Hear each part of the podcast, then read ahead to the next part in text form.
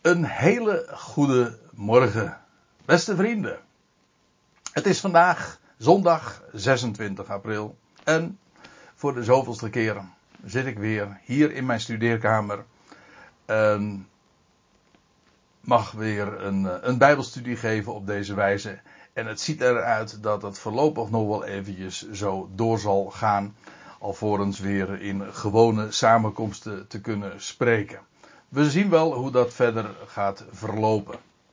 Vanmorgen wil ik jullie heel graag eens bepalen bij het onderwerp dat je hier ook naast mij ziet. En ik heb het als titel meegegeven: Beademing. En als ondertitel: Als God ademt. En ik kan me voorstellen dat je het plaatje wellicht wat vreemd vindt, omdat je een trompetist nou niet direct uh, wellicht associeert met het onderwerp beademing. Uh, maar laten we wel wezen, beademing betekent letterlijk het inblazen van adem. Maar het is waar, we gebruiken het begrip natuurlijk vooral in verband met medisch handelen. In de geneeskunde spreken we van van beademen, van reanimeren. En u ziet ook op het plaatje een, een, een zuurstofmasker waarbij de, onder, de beademing wordt ondersteund, geholpen. En het is natuurlijk eh, zo dat eh, juist de laatste maand het onderwerp van beademing heel erg eh, actueel is geworden vanwege de hele coronacrisis. En mensen die dan vanwege die reden zijn gekomen in het ziekenhuis en moeten worden opgenomen op de intensive care. Ja, die komen aan de beademing, worden kunstmatig beademd. En ik zal uh, je eerlijk zeggen dat het uh, mede ook daardoor is dat ik de laatste weken nog wat intensiever ben nagaan denken over dit onderwerp van beademen. Want daar zit ook bijbels gezien nogal wat aan vast. En ik wil juist dat licht daar graag eens op laten schijnen. Beademing eh, in de brede zin, ja, dat betekent ademoverdracht. En dat brengt me dan toch uh, alsnog bij dat plaatje wat je bij uh, de eerste dia zag. Een jongen die op een trompet blaast. Maar ik heb hier nog wat andere instrumenten ook. Een panfluit of een, shofar, een, een ramshoren. Nou, er zijn zoveel blaasinstrumenten. En wat je dan feitelijk doet, is ook die instrumenten beademen. Je blaast erin en je brengt daardoor ook uh, dingen voort. Je brengt muziek voort. Je brengt leven feitelijk ook voort leven ook in de overdrachtelijke zin van het woord. Uh, in de zin van, uh, van lawaai of in ieder geval geluid. Maar het is ademoverdracht. En dat brengt me op een nog een ander punt. En dat lijkt wat poëtisch als ik het zo formuleer. De adem van de wind. Maar dat is meer dan alleen maar een poëtische connectie. Want in de Bijbelse talen, en dat geldt zowel voor het Hebreeuws, waarin het Oude Testament is geschreven, als ook in het Grieks, waar het Nieuwe Testament in staat opgetekend. De, die beide talen is het woord voor adem en voor wind gewoon identiek. In het Hebreeuws is het ruach. En dat betekent inderdaad zowel wind als ook uh, adem. Het betekent uh, zelfs ook geest. En je zou uh, zelfs kunnen zeggen dat, dat ruach staat voor alles wat je niet kunt zien. In het Grieks is het woord voor adem of voor wind pneuma. En dat is trouwens ook het woord voor geest. En dus dat betekent in de Bijbelse talen kun je het niet eens op die manier onderscheiden. Adem is wind, is geest. Dat zijn identieke begrippen. In feite is, is uh, adem ook, en, en dat geldt voor, uh, voor ruach, dat geldt voor pneuma, in beweging gebrachte lucht. En dat doen we door middel van blazen. Je blaast, en, maar dat is ook wat, wat je doet bij uitademen. Dan blaas je uit. Maar in feite is dat ook precies wat de wind doet. De wind blaast. Dus als je er even over doordenkt, eh, dan, dan begrijp je die associatie ook. En je begrijpt dan ook dat het uh, verband houdt met geest. Want ja, de, net als de wind en de adem, uh, zie je geest niet. Je ziet alleen de uitwerking ervan. Ik bedoel, uh, de wind zie je niet, maar je ziet wel de bomen daardoor bewegen. Wel, dat is ook wat geest, wat ruach, wat pneuma is. Speelt ook een hele grote rol, en dat is heel interessant, in de biologie. Uh, daar is een, een, fraai woord voor, anemogorie. En anemo, dat betekent wind in het Grieks. Dat gorie, dat betekent verspreiden, windverspreiding. En die, dat begrip in de biologie duidt erop dat zaden verspreid worden door middel van de wind. Een heel belangrijke uh, methodiek in de, bij planten, bij talloze gewassen, om, uh, om het zaad te verspreiden. Dat doet wind. Dat zorgt ervoor dat en misschien brengt me dat ook meteen bij uh, Genesis 2, waar ik straks naartoe ga. Want het idee is feitelijk dat we dat door beademing er geblazen wordt, maar ook leven wordt voortgebracht. En dat zie je in feite dus ook in dat idee van anemogorie dat verspreiden van de zaden. Er wordt leven voortgebracht door middel van ja, pneuma, door ruach of door, door geest. Het is maar hoe je het zeggen wil. Zoals gezegd, eerst ga ik jullie meenemen naar Genesis 2. Adam, een levende ziel. Nou laten we eens naar dat vers toe gaan, waar we lezen hoe ons aller stamvader, de stamvader van miljarden mensen. Alle mensen kunnen hun, hun stamboom terugbrengen. Uh, hoe dan ook. Ook al zijn er veel ontbrekende schakels. Uh, die wij niet kennen. Maar hoe dan ook. We komen allemaal voort uit Adam. En hoe is Adam gecreëerd? Wel, de Bijbel zegt daar niet veel over. En, uh, eigenlijk maar heel kort.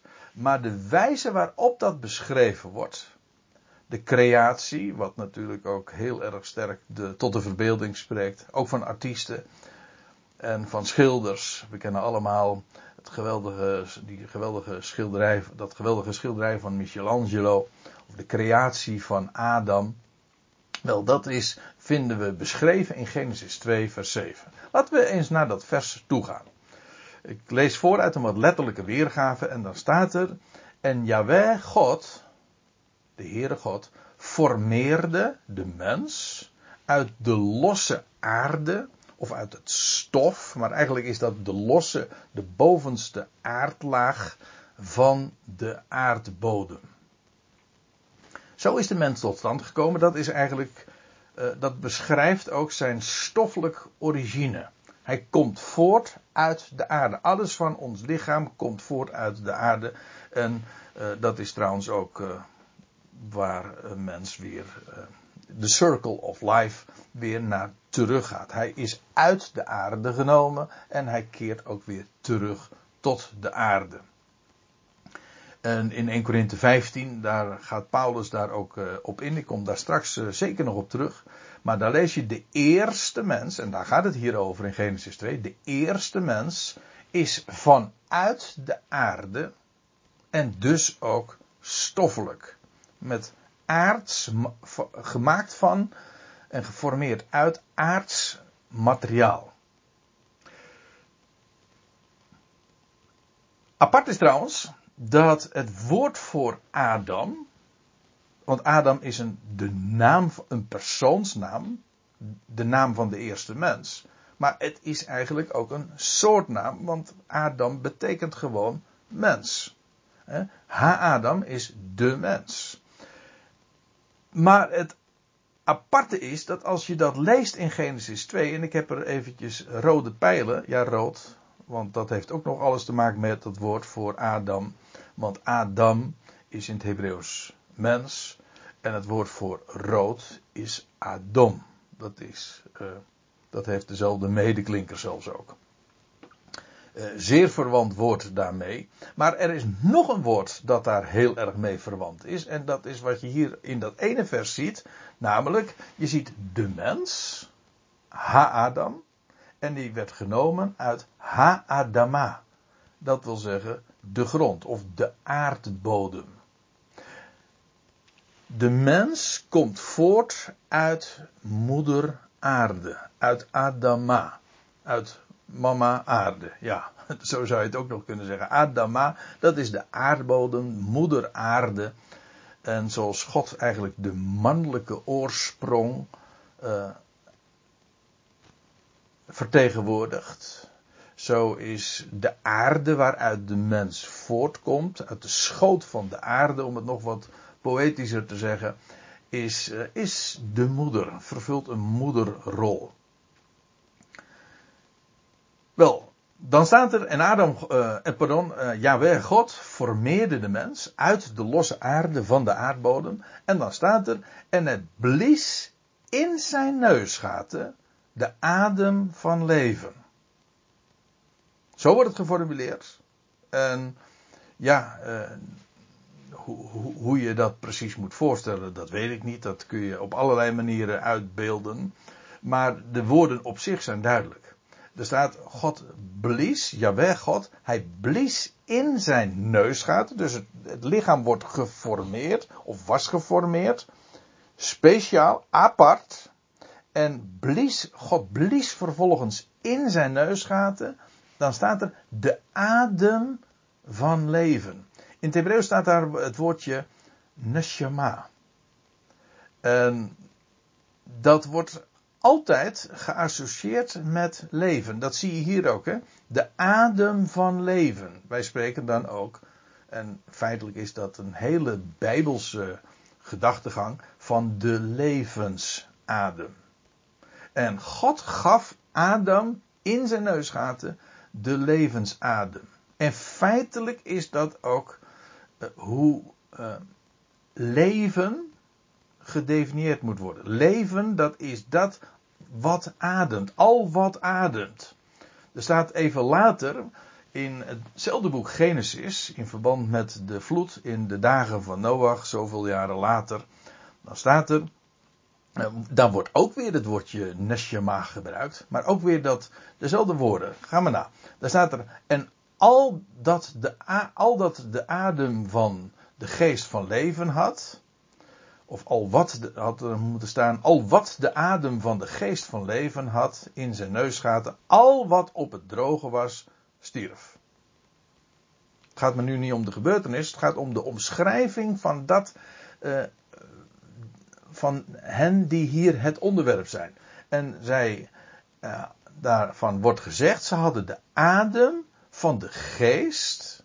De adem, dat is neshama. De geest is trouwens hier ruach, het woord waar ik al eerder even op wees, en dan van leven, chaim. De adem van de geest van leven. Adem en geest hebben ook alles met elkaar te maken en heeft alles weer te maken met leven. Je ontvangt leven door adem, door geest en dat ontvang je via de neusgaten. En dat is precies wat uh, ook leven is. Adem, geest, leven, neusgaten. Zo uh, behoren al die begrippen bij elkaar. En dat uh, werpt ook licht op wat, uh, op de oorsprong van het leven. Um, hier lees je van Adam, hij werd, hij werd een levende ziel, ik kom daar straks op terug. Ja, en wanneer? Wanneer werd hij levend? Wel, toen hij de levensadem in zijn neusgaten krijgt. En dat is de reden waarom volgens de Bijbelse definitie het leven ook begint bij de 40. Wij kennen dat ook en meestal uh, kennen we denk ik trouwens niet de betekenis. Ja, de uitdrukking wel. Het leven begint bij de 40 en dan sturen we kaartjes naar iemand die 40 jaar oud is geworden. En dan zeggen we nou begint het leven pas. Maar we hebben geen idee wat de echte betekenis van het begrip is moet er ook bij zeggen trouwens dat er ook dat dit ook weer uh, met, met veel meer bijbelse symboliek voor verband houdt. Want het getal 40 en wat er na de 40 dan gebeurt, ja, dat is altijd heel markant. Er zijn talloze voorbeelden van. Israël die na 40 jaren in het beloofde land komt. Nou, et cetera, et cetera. Het leven begint bij de 40. Maar wat is de echte oorsprong van het woord? Dat is dat bij 40 weken de geboorte plaatsvindt. Meestal rekenen wij dan in maanden, negen maanden. Maar. neem me niet kwalijk. In termen van weken zijn het er 40. En dat is een heel markant getal. Bij 40 weken, ja, dan begint uh, het leven. Dan vangt de geboorte aan. Dat is de normale draagtijd van een moeder. En wat er dan gebeurt, is bij die geboorte, uh, dan krijgt uh, het kind, de baby, de levensadem in de neusgaten. Al die 40 weken die daaraan vooraf gingen, was het leven dat in die baby zit eigenlijk het leven van de moeder. Het, via de navelstreng ontving het uh, zuurstof en voeding en alles van de moeder. En maakte het in feite deel uit van de moeder. En vanaf het moment dat het kind geboren is, of vanaf het moment dat het kind geboren wordt, en gaat ademen, de levensadem in de neusgaten krijgt, dan begint het leven. Zo rekenen we trouwens ook, dan begint de leeftijd te rekenen. Als je vraagt hoe oud ben je, dan rekenen we vanaf de geboorte. Niet vanaf de conceptie, nee, vanaf de geboorte. Dat is de tijd van leven. Leven begint bij de 40 en dat is zo'n boeiend verhaal. Ik, bij de voorbereiding uh, stuitte ik op, op, op, op een prachtige beschrijving nog weer daarvan. Ik zal het even voorlezen hoe dat dan in zijn werk gaat. Dat is zo, zo goddelijk, zo'n zo'n ingenieus uh, ontwerp zoals dat dan uh, functioneert. Dan lees ik, ik, ik, heb het, ik heb het van een website afgehaald uh, waarin dan beschreven wordt wat er gebeurt bij de geboorte. En ik lees het voor. 10 tot 20 seconden na de geboorte van het hoofd komt de ademhaling op gang. En deze reflex ontstaat doordat de temperatuur buiten het moederlichaam veel lager is, doordat de druk op het hoofdje en de borstkas wegvalt en doordat er minder bloed door de navelstreng stroomt. En zo ontstaat die reflex dus. En dan staat er, ik lees even verder, het koolzuurgehalte in het bloed stijgt.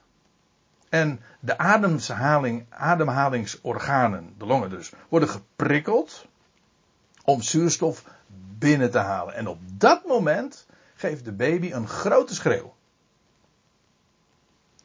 En zijn borstspieren en het middenrif komen dan in beweging en hij zuigt zijn longen vol met lucht. En dat is de eerste ademtocht. Heel wonderlijk. 40 weken, lang ontvangt het zuurstof en alles van de moeder. En dan is het geboren en dan begint het te ademen. Krijgt het de levensadem in de neusgaten. En dat is zo geweldig, zoals dat, uh, zoals God dat bedacht heeft en zoals dat allemaal functioneert. Het is onvoorstelbaar. Ik moet trouwens nog eventjes iets bij zeggen, want dat is dan de aarzeling die ik wel eens heb als ik over deze dingen spreek. Als ik zeg dat het leven begint bij de 40 en dat is omdat het soms zomaar uh, kan worden opgevat als een, als een pleidooi voor abortus. Dat, in mijn uh, beleving is dat vrij bizar. Hoewel ik me de conclusie op zich nog wel kan voorstellen. Maar laat ik even voorlezen. Kijk, dat het leven begint bij de geboorte, ja, namelijk de levensadem in de neusgaten, dat is geen argument voor abortus. Zo bedoel ik het ook helemaal niet. Ik bedoel dit gewoon als bijbelse definitie van leven. Wanneer wordt een mens een levende ziel? Wel vanaf het moment dat hij begint te ademen. En om dan toch even iets te zeggen over uh, abortus. Dat is nu niet het onderwerp. De, daar zou veel meer over te melden zijn, ook vanuit Bijbels oogpunt, dan wat ik nu ga zeggen. Maar uh, ik wil eigenlijk, dit eventjes aan vastknopen. Ik vind het belangrijk om dat even voor de nuance ook erbij te zeggen. En dat, dit moet je ook weten. Uh, het woord voor baarmoeder, of de moederschoot, in, het, in de Hebreeuwse Bijbel, dat is rechem. We komen het vele malen tegen in de Hebreeuwse Bijbel. Ik heb een paar voorbeelden, een paar teksten uh, genoemd hier. Je kunt het zo opzoeken. En er zijn vele voorbeelden meer. Als sprake is van de moederschoot of de baarmoeder, of de schoot, dan, dan, is, dan staat daar in het Hebreeuws dit woord, rechem. En waarom meld ik dit? Omdat in de Bijbelse taal het woord rechem niet alleen de moederschoot is, maar het is ook het woord voor ontferming of erbarming. Het is, het is exact hetzelfde woord. Ons, eh, het, het woord of de naam Rugama, die we kennen uit het boek Hosea, uh, heeft daar ook mee te maken. Rechem, Rugama. In Hosea 2 lees je daarover. Wel, dat woord voor baarmoeder en ontferming is identiek.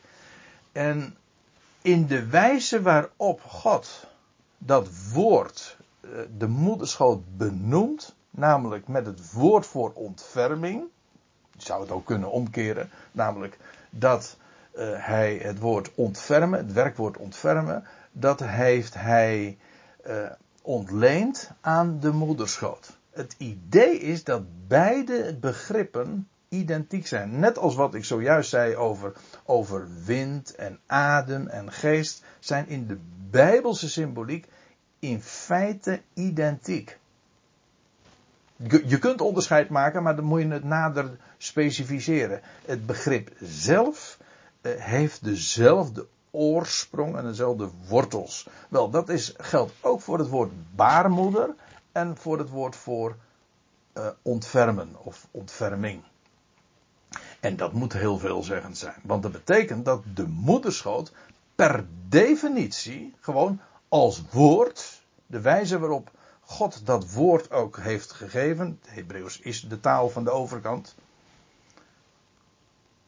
Ik uh, ga ervan uit, uh, dat wil ik nu verder niet uh, aantonen, dat is nu ook verder niet het onderwerp, maar het Hebreeuws, dat is de taal van de overkant, dat is de taal van God zelf.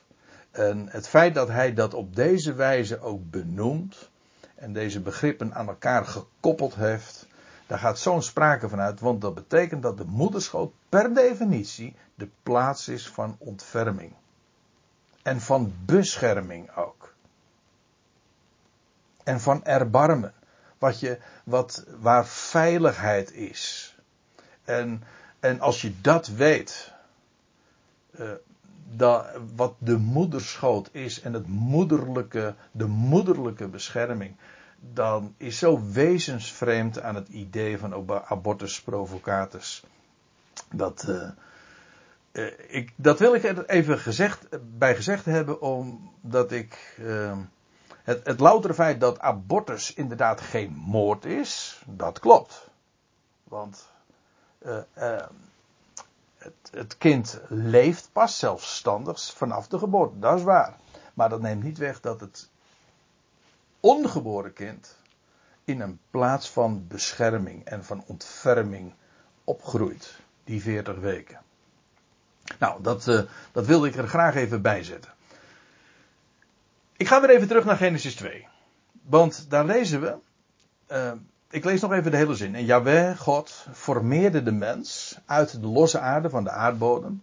En hij blies in zijn neusgaten de adem van leven. Alzo werd de mens een levende ziel. Dus, eventjes terugkoppelen. Hoe en wanneer is een ziel levend? Let op trouwens, de mens werd een levende ziel. Hij kreeg geen ziel, dat is, dat is weer een Grieks idee, een Grieks misverstand. Dat de mens een ziel heeft, de mens is een ziel. En trouwens, dat heeft hij ook gemeen met, uh, met het gedierte van het veld.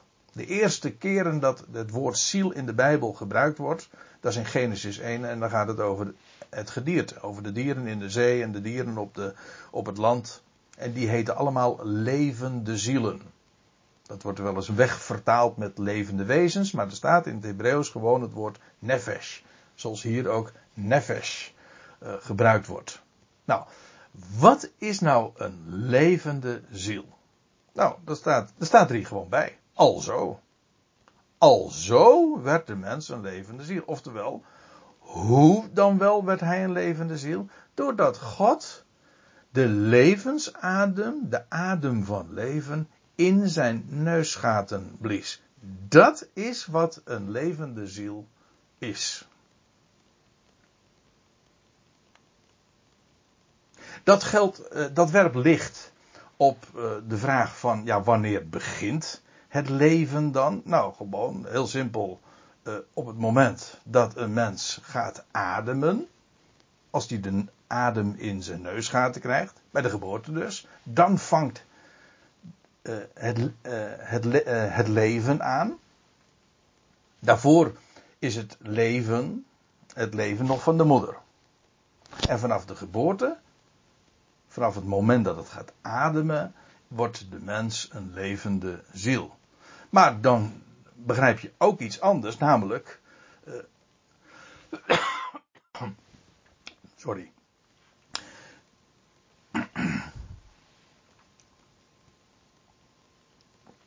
Dat als de mens gaat ademen, een levende ziel wordt dan is het zo dat het leven eindigt wanneer de mens stopt met zelfstandig ademen. En ja, ook dat werpt uh, zoveel licht op hoe de Bijbel de, de dingen benoemt. Hè. Uh, je leest in de Bijbel uh, dus over je, je ontvangt de geest. Wanneer? Wel, je, wanneer je gaat ademen, dan krijg je de geest. En op het moment dat je de laatste adem uitblaast, de geest, dan geef je de geest, die wordt uitdrukking lezen, wordt ook gebezigd. Wel, dan eindigt het leven. Dus een mens is een levende ziel, zolang hij zelfstandig ademt. En op het moment dat hij niet meer zelfstandig ademt, is hij dus geen levende ziel meer. En, en allerlei ethische kwesties en zo worden op deze manier ook in een heel bijzonder uh, licht, ook simpel, eenvoudig uh, licht geplaatst, waardoor je ook begrijpt ja, wat dingen zijn. Kijk, het gaat mij niet om, om te vertellen wat je moet doen of wat je niet zou moeten doen. Het gaat erom, wat is iets? Wat is een levende ziel? Wel, dat is een wezen met het vermogen om zelf te ademen. Dat betekent dus ook, dat is heel interessant, dat kunstmatige beademing buiten de Bijbelse definitie van leven valt. Misschien hebt u daar nooit zo bij stilgestaan. En juist, uh, ik zelf heb juist de laatste week in verband ook met uh, allerlei uh, artikelen en, nieuws over beademingsapparaturen en reanimatie, et cetera heb ik daar uh, wat, uh, wat meer op, op ingezoomd en meer over nagedacht. En als je de Bijbelse definitie vasthoudt, namelijk wat een levende ziel is, en dat heeft te maken dus met het vermogen om zelfstandig te ademen, dan valt inderdaad kunstmatige beademing daarbuiten. En dat betekent dus ook dat, ja, de vraag van of, re, of het weigeren van reanimatie eigenlijk dus moord zou zijn. Of het stopzetten van, een, van, een, van de kunstmatige beademing, of dat, of dat moord zou zijn. Nee. Kunstmatig beademd worden, dat is eigenlijk al geen leven meer. En dan, ik moet er trouwens ook bij zeggen, maar dat zeg ik er eventjes geheel terzijde bij. Uh, als je daarover leest, uh, het is toch wel heel apart uh, dat de mens eigenlijk niet in staat is om leven voort te brengen, leven zelf te creëren. Alles wat de mens daarmee doet is kunstmatig. Kunstmatige beademing. En dat heeft, voor zover dat al succes heeft, en de kans daarop is dikwijls heel erg klein. Medici en vele artsen enzovoorts, die zijn er vaak helemaal niet zo enthousiast over. Omdat het heel veel schade dikwijls uh, veroorzaakt aan de longen. Of neurologische schade. Mensen die gereanimeerd worden, maar dan vervolgens een kastplantje zijn. Uh, er zijn vele voorbeelden van. Maar de mens uh, kan wel, weliswaar misschien kunstmatig beademen, maar het, het, is al, het is toch altijd maar kunst en vliegwerk. Dat is zo'n groot verschil bij wat God doet als hij adem, geeft. Goed, nou dat zijn van die overwegingen naar aanleiding van Genesis 2. In verband met de creatie van Adam, die een levende ziel werd, hoe dan wel, doordat hij de adem, levensadem in zijn neusgaten kreeg. Nou, nu ga ik u meenemen naar een andere tekst in het Nieuwe Testament. En dan gaan we het weer hebben over, de laatste, uh, over Adam, maar nu de laatste Adam. En hoe hij een levendmakende geest werd. Ik neem u mee naar Johannes 20. Eh, dat is eh, het hoofdstuk waar gesproken wordt over de opstanding van Jezus Christus. Ik heb juist eh, een paar dagen geleden een Bijbelstudie gegeven over de verschijning, de eerste verschijning van, van de, de laatste Adam in de hof van Arimathea aan Maria Magdalena. En dan lees, dat was in de ochtend, in de vroege ochtend. In de avond van diezelfde dag, van de dag van de opstanding, is de Heer Jezus ook verschenen aan zijn discipelen. Aan de samengekomen discipelen, voor de eerste keer trouwens. Hij was ook al afzonderlijk verschenen een keer aan, aan Kefas.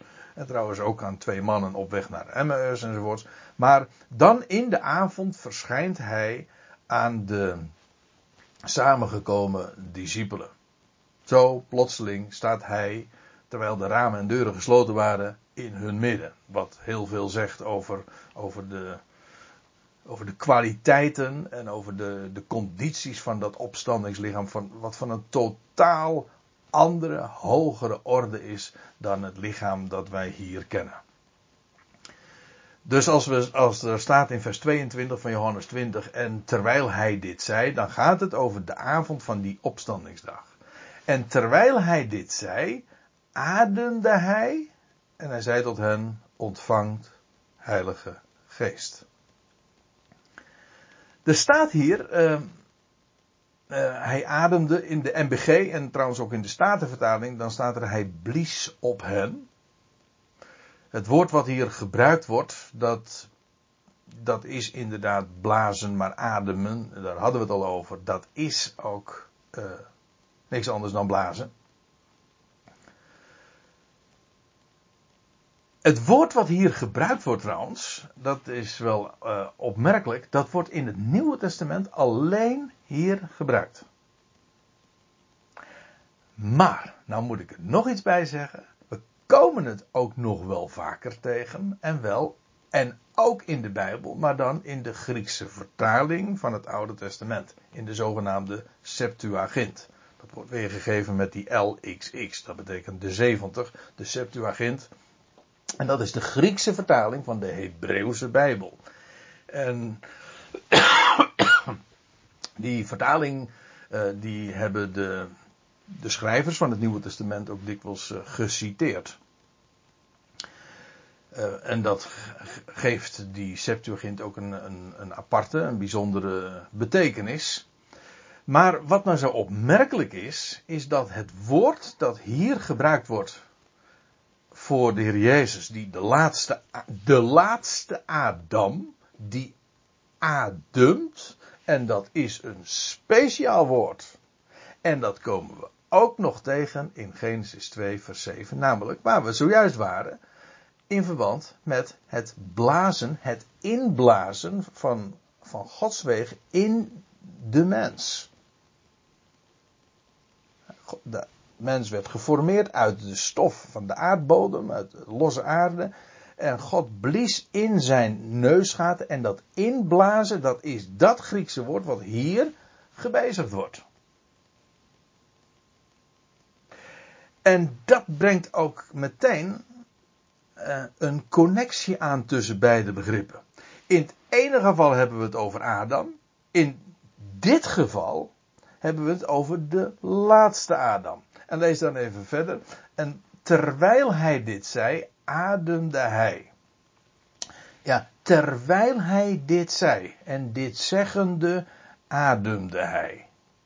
En het idee is dat terwijl hij spreekt, uh, ademde hij, blies hij, zo u wilt. Dat, dat uitblazen, dat deed hij heel uitdrukkelijk terwijl hij spreekt. Um, spreken is trouwens sowieso ook altijd al uh, uitademen. Ik las ooit uh, een keer dat spreken eigenlijk niks anders is dan uh, gecontroleerd uitademen. Gecontroleerd, dat wil zeggen je gebruikt je, je mond, je lippen, je tong om bepaalde klanken door middel van de adem te vormen. Dus je doet dat heel specifiek en gecontroleerd. Ja, dat is trouwens wat, uh, wat je ook doet als je muziek maakt. En met een blaasinstrument. Dan doe je ook, dat is gecontroleerd uitademen.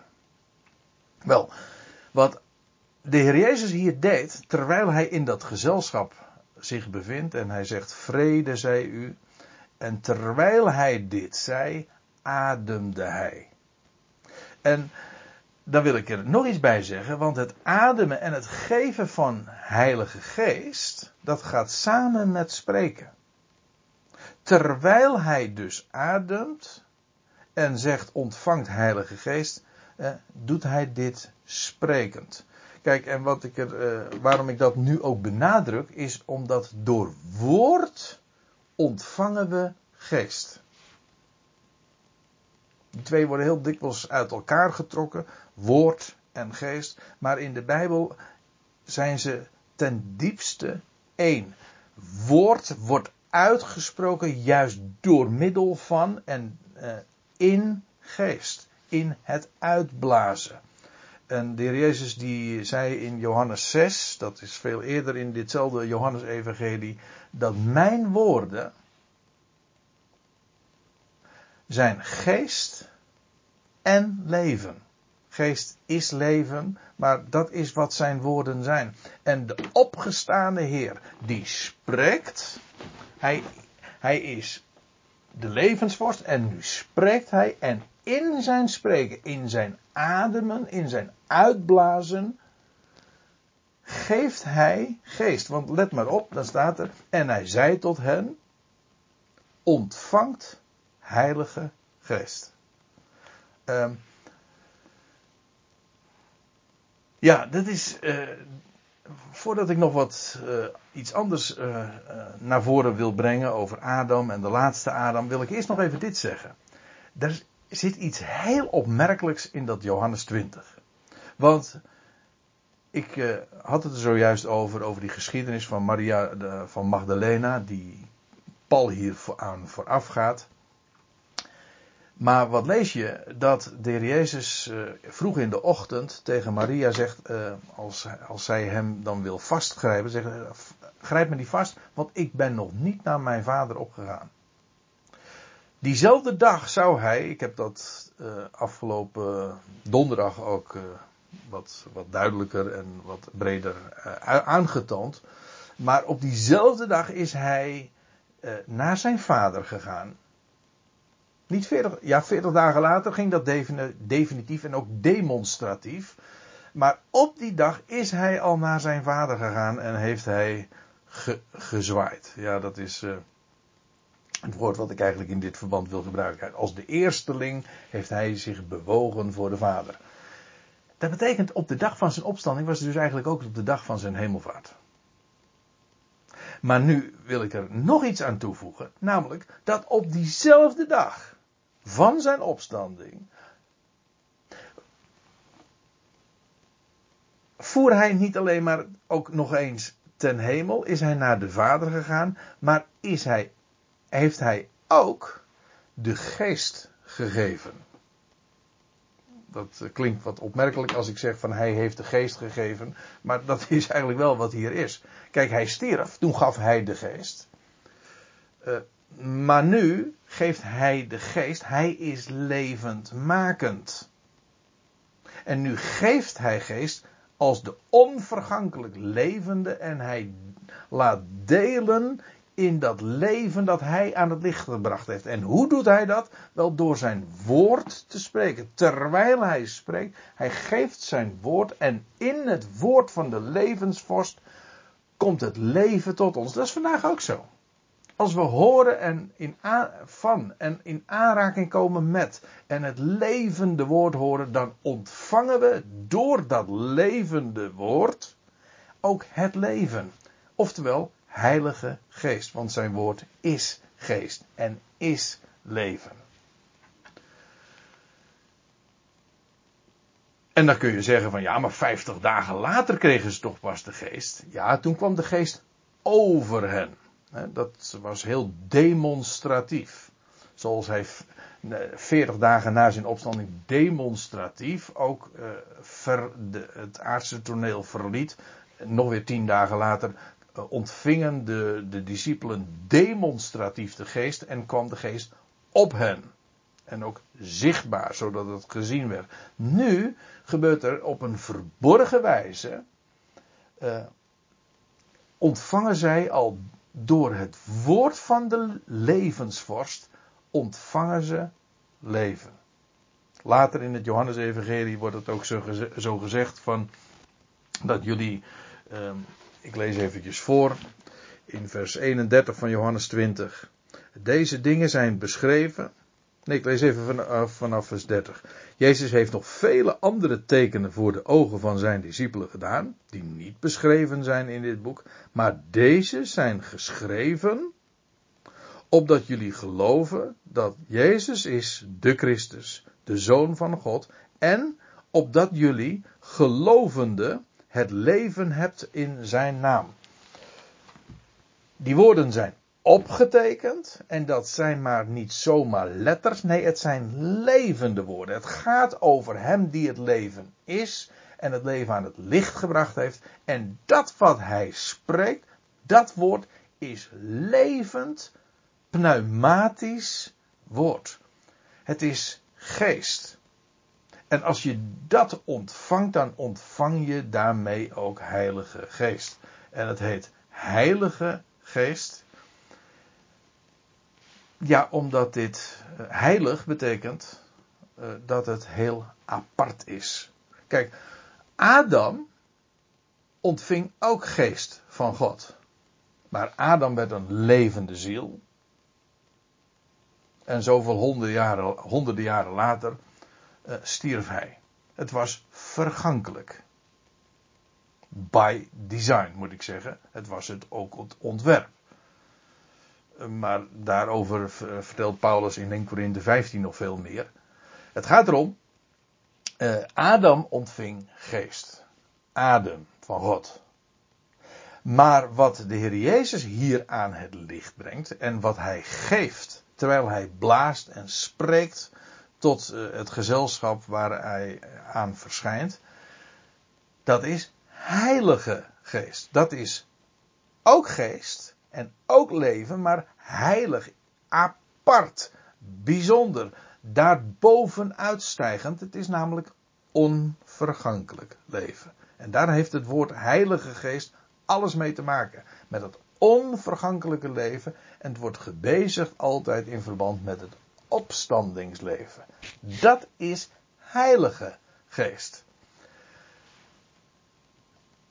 Adam werd door beademing een levende ziel. Dat hebben we gezien. En nu de laatste Adam. Op diezelfde, de dag. Dit was de avond van de dag van die opstandingsdag. Maar vroeg in de ochtend, toen de steen werd weggewenteld. Bij die gelegenheid. Toen heeft God hem de geest, de heilige geest gegeven. Zo staat het er letterlijk. Hè? In, in Handelingen 2 vers 33, daar staat dat, dat God zijn heilige geest aan Christus heeft gegeven. Dat toen, toen kreeg hij de geest. Toen ontving hij de geest. En hij ontving namelijk onvergankelijk leven. Daarom ontving hij heilige geest. En vervolgens, en nou, nou komt het, hij werd inderdaad levend toen, onvergankelijk levend.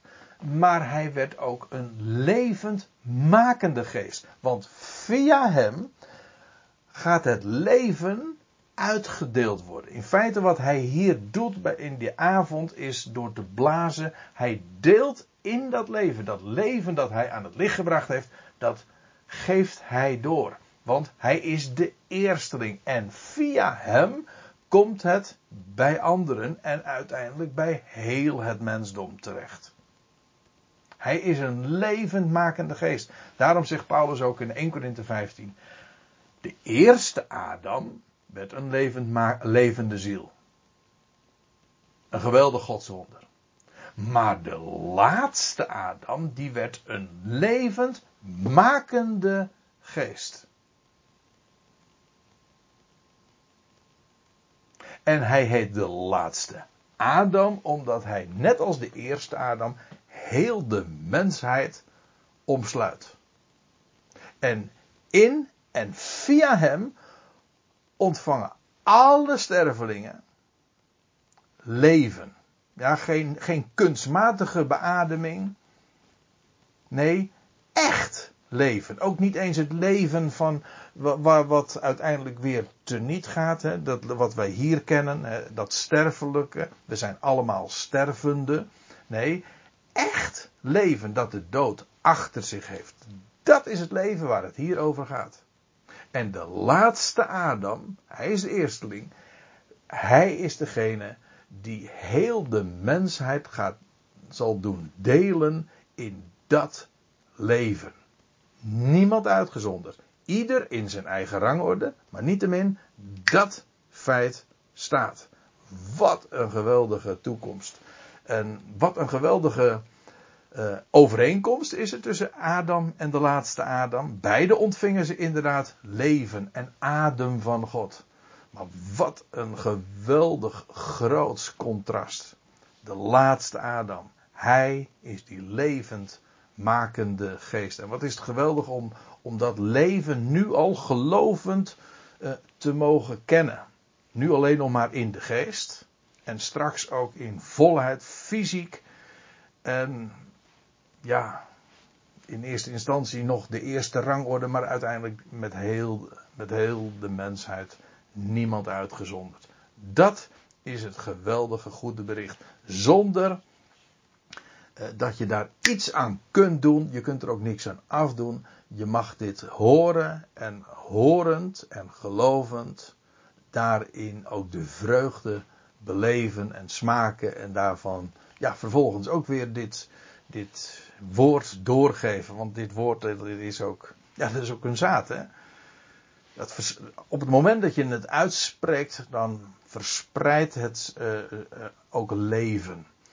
En zo wekt het ook weer leven bij degene die daarnaar hoort en bij wie God ook de ogen en oren en harten opent.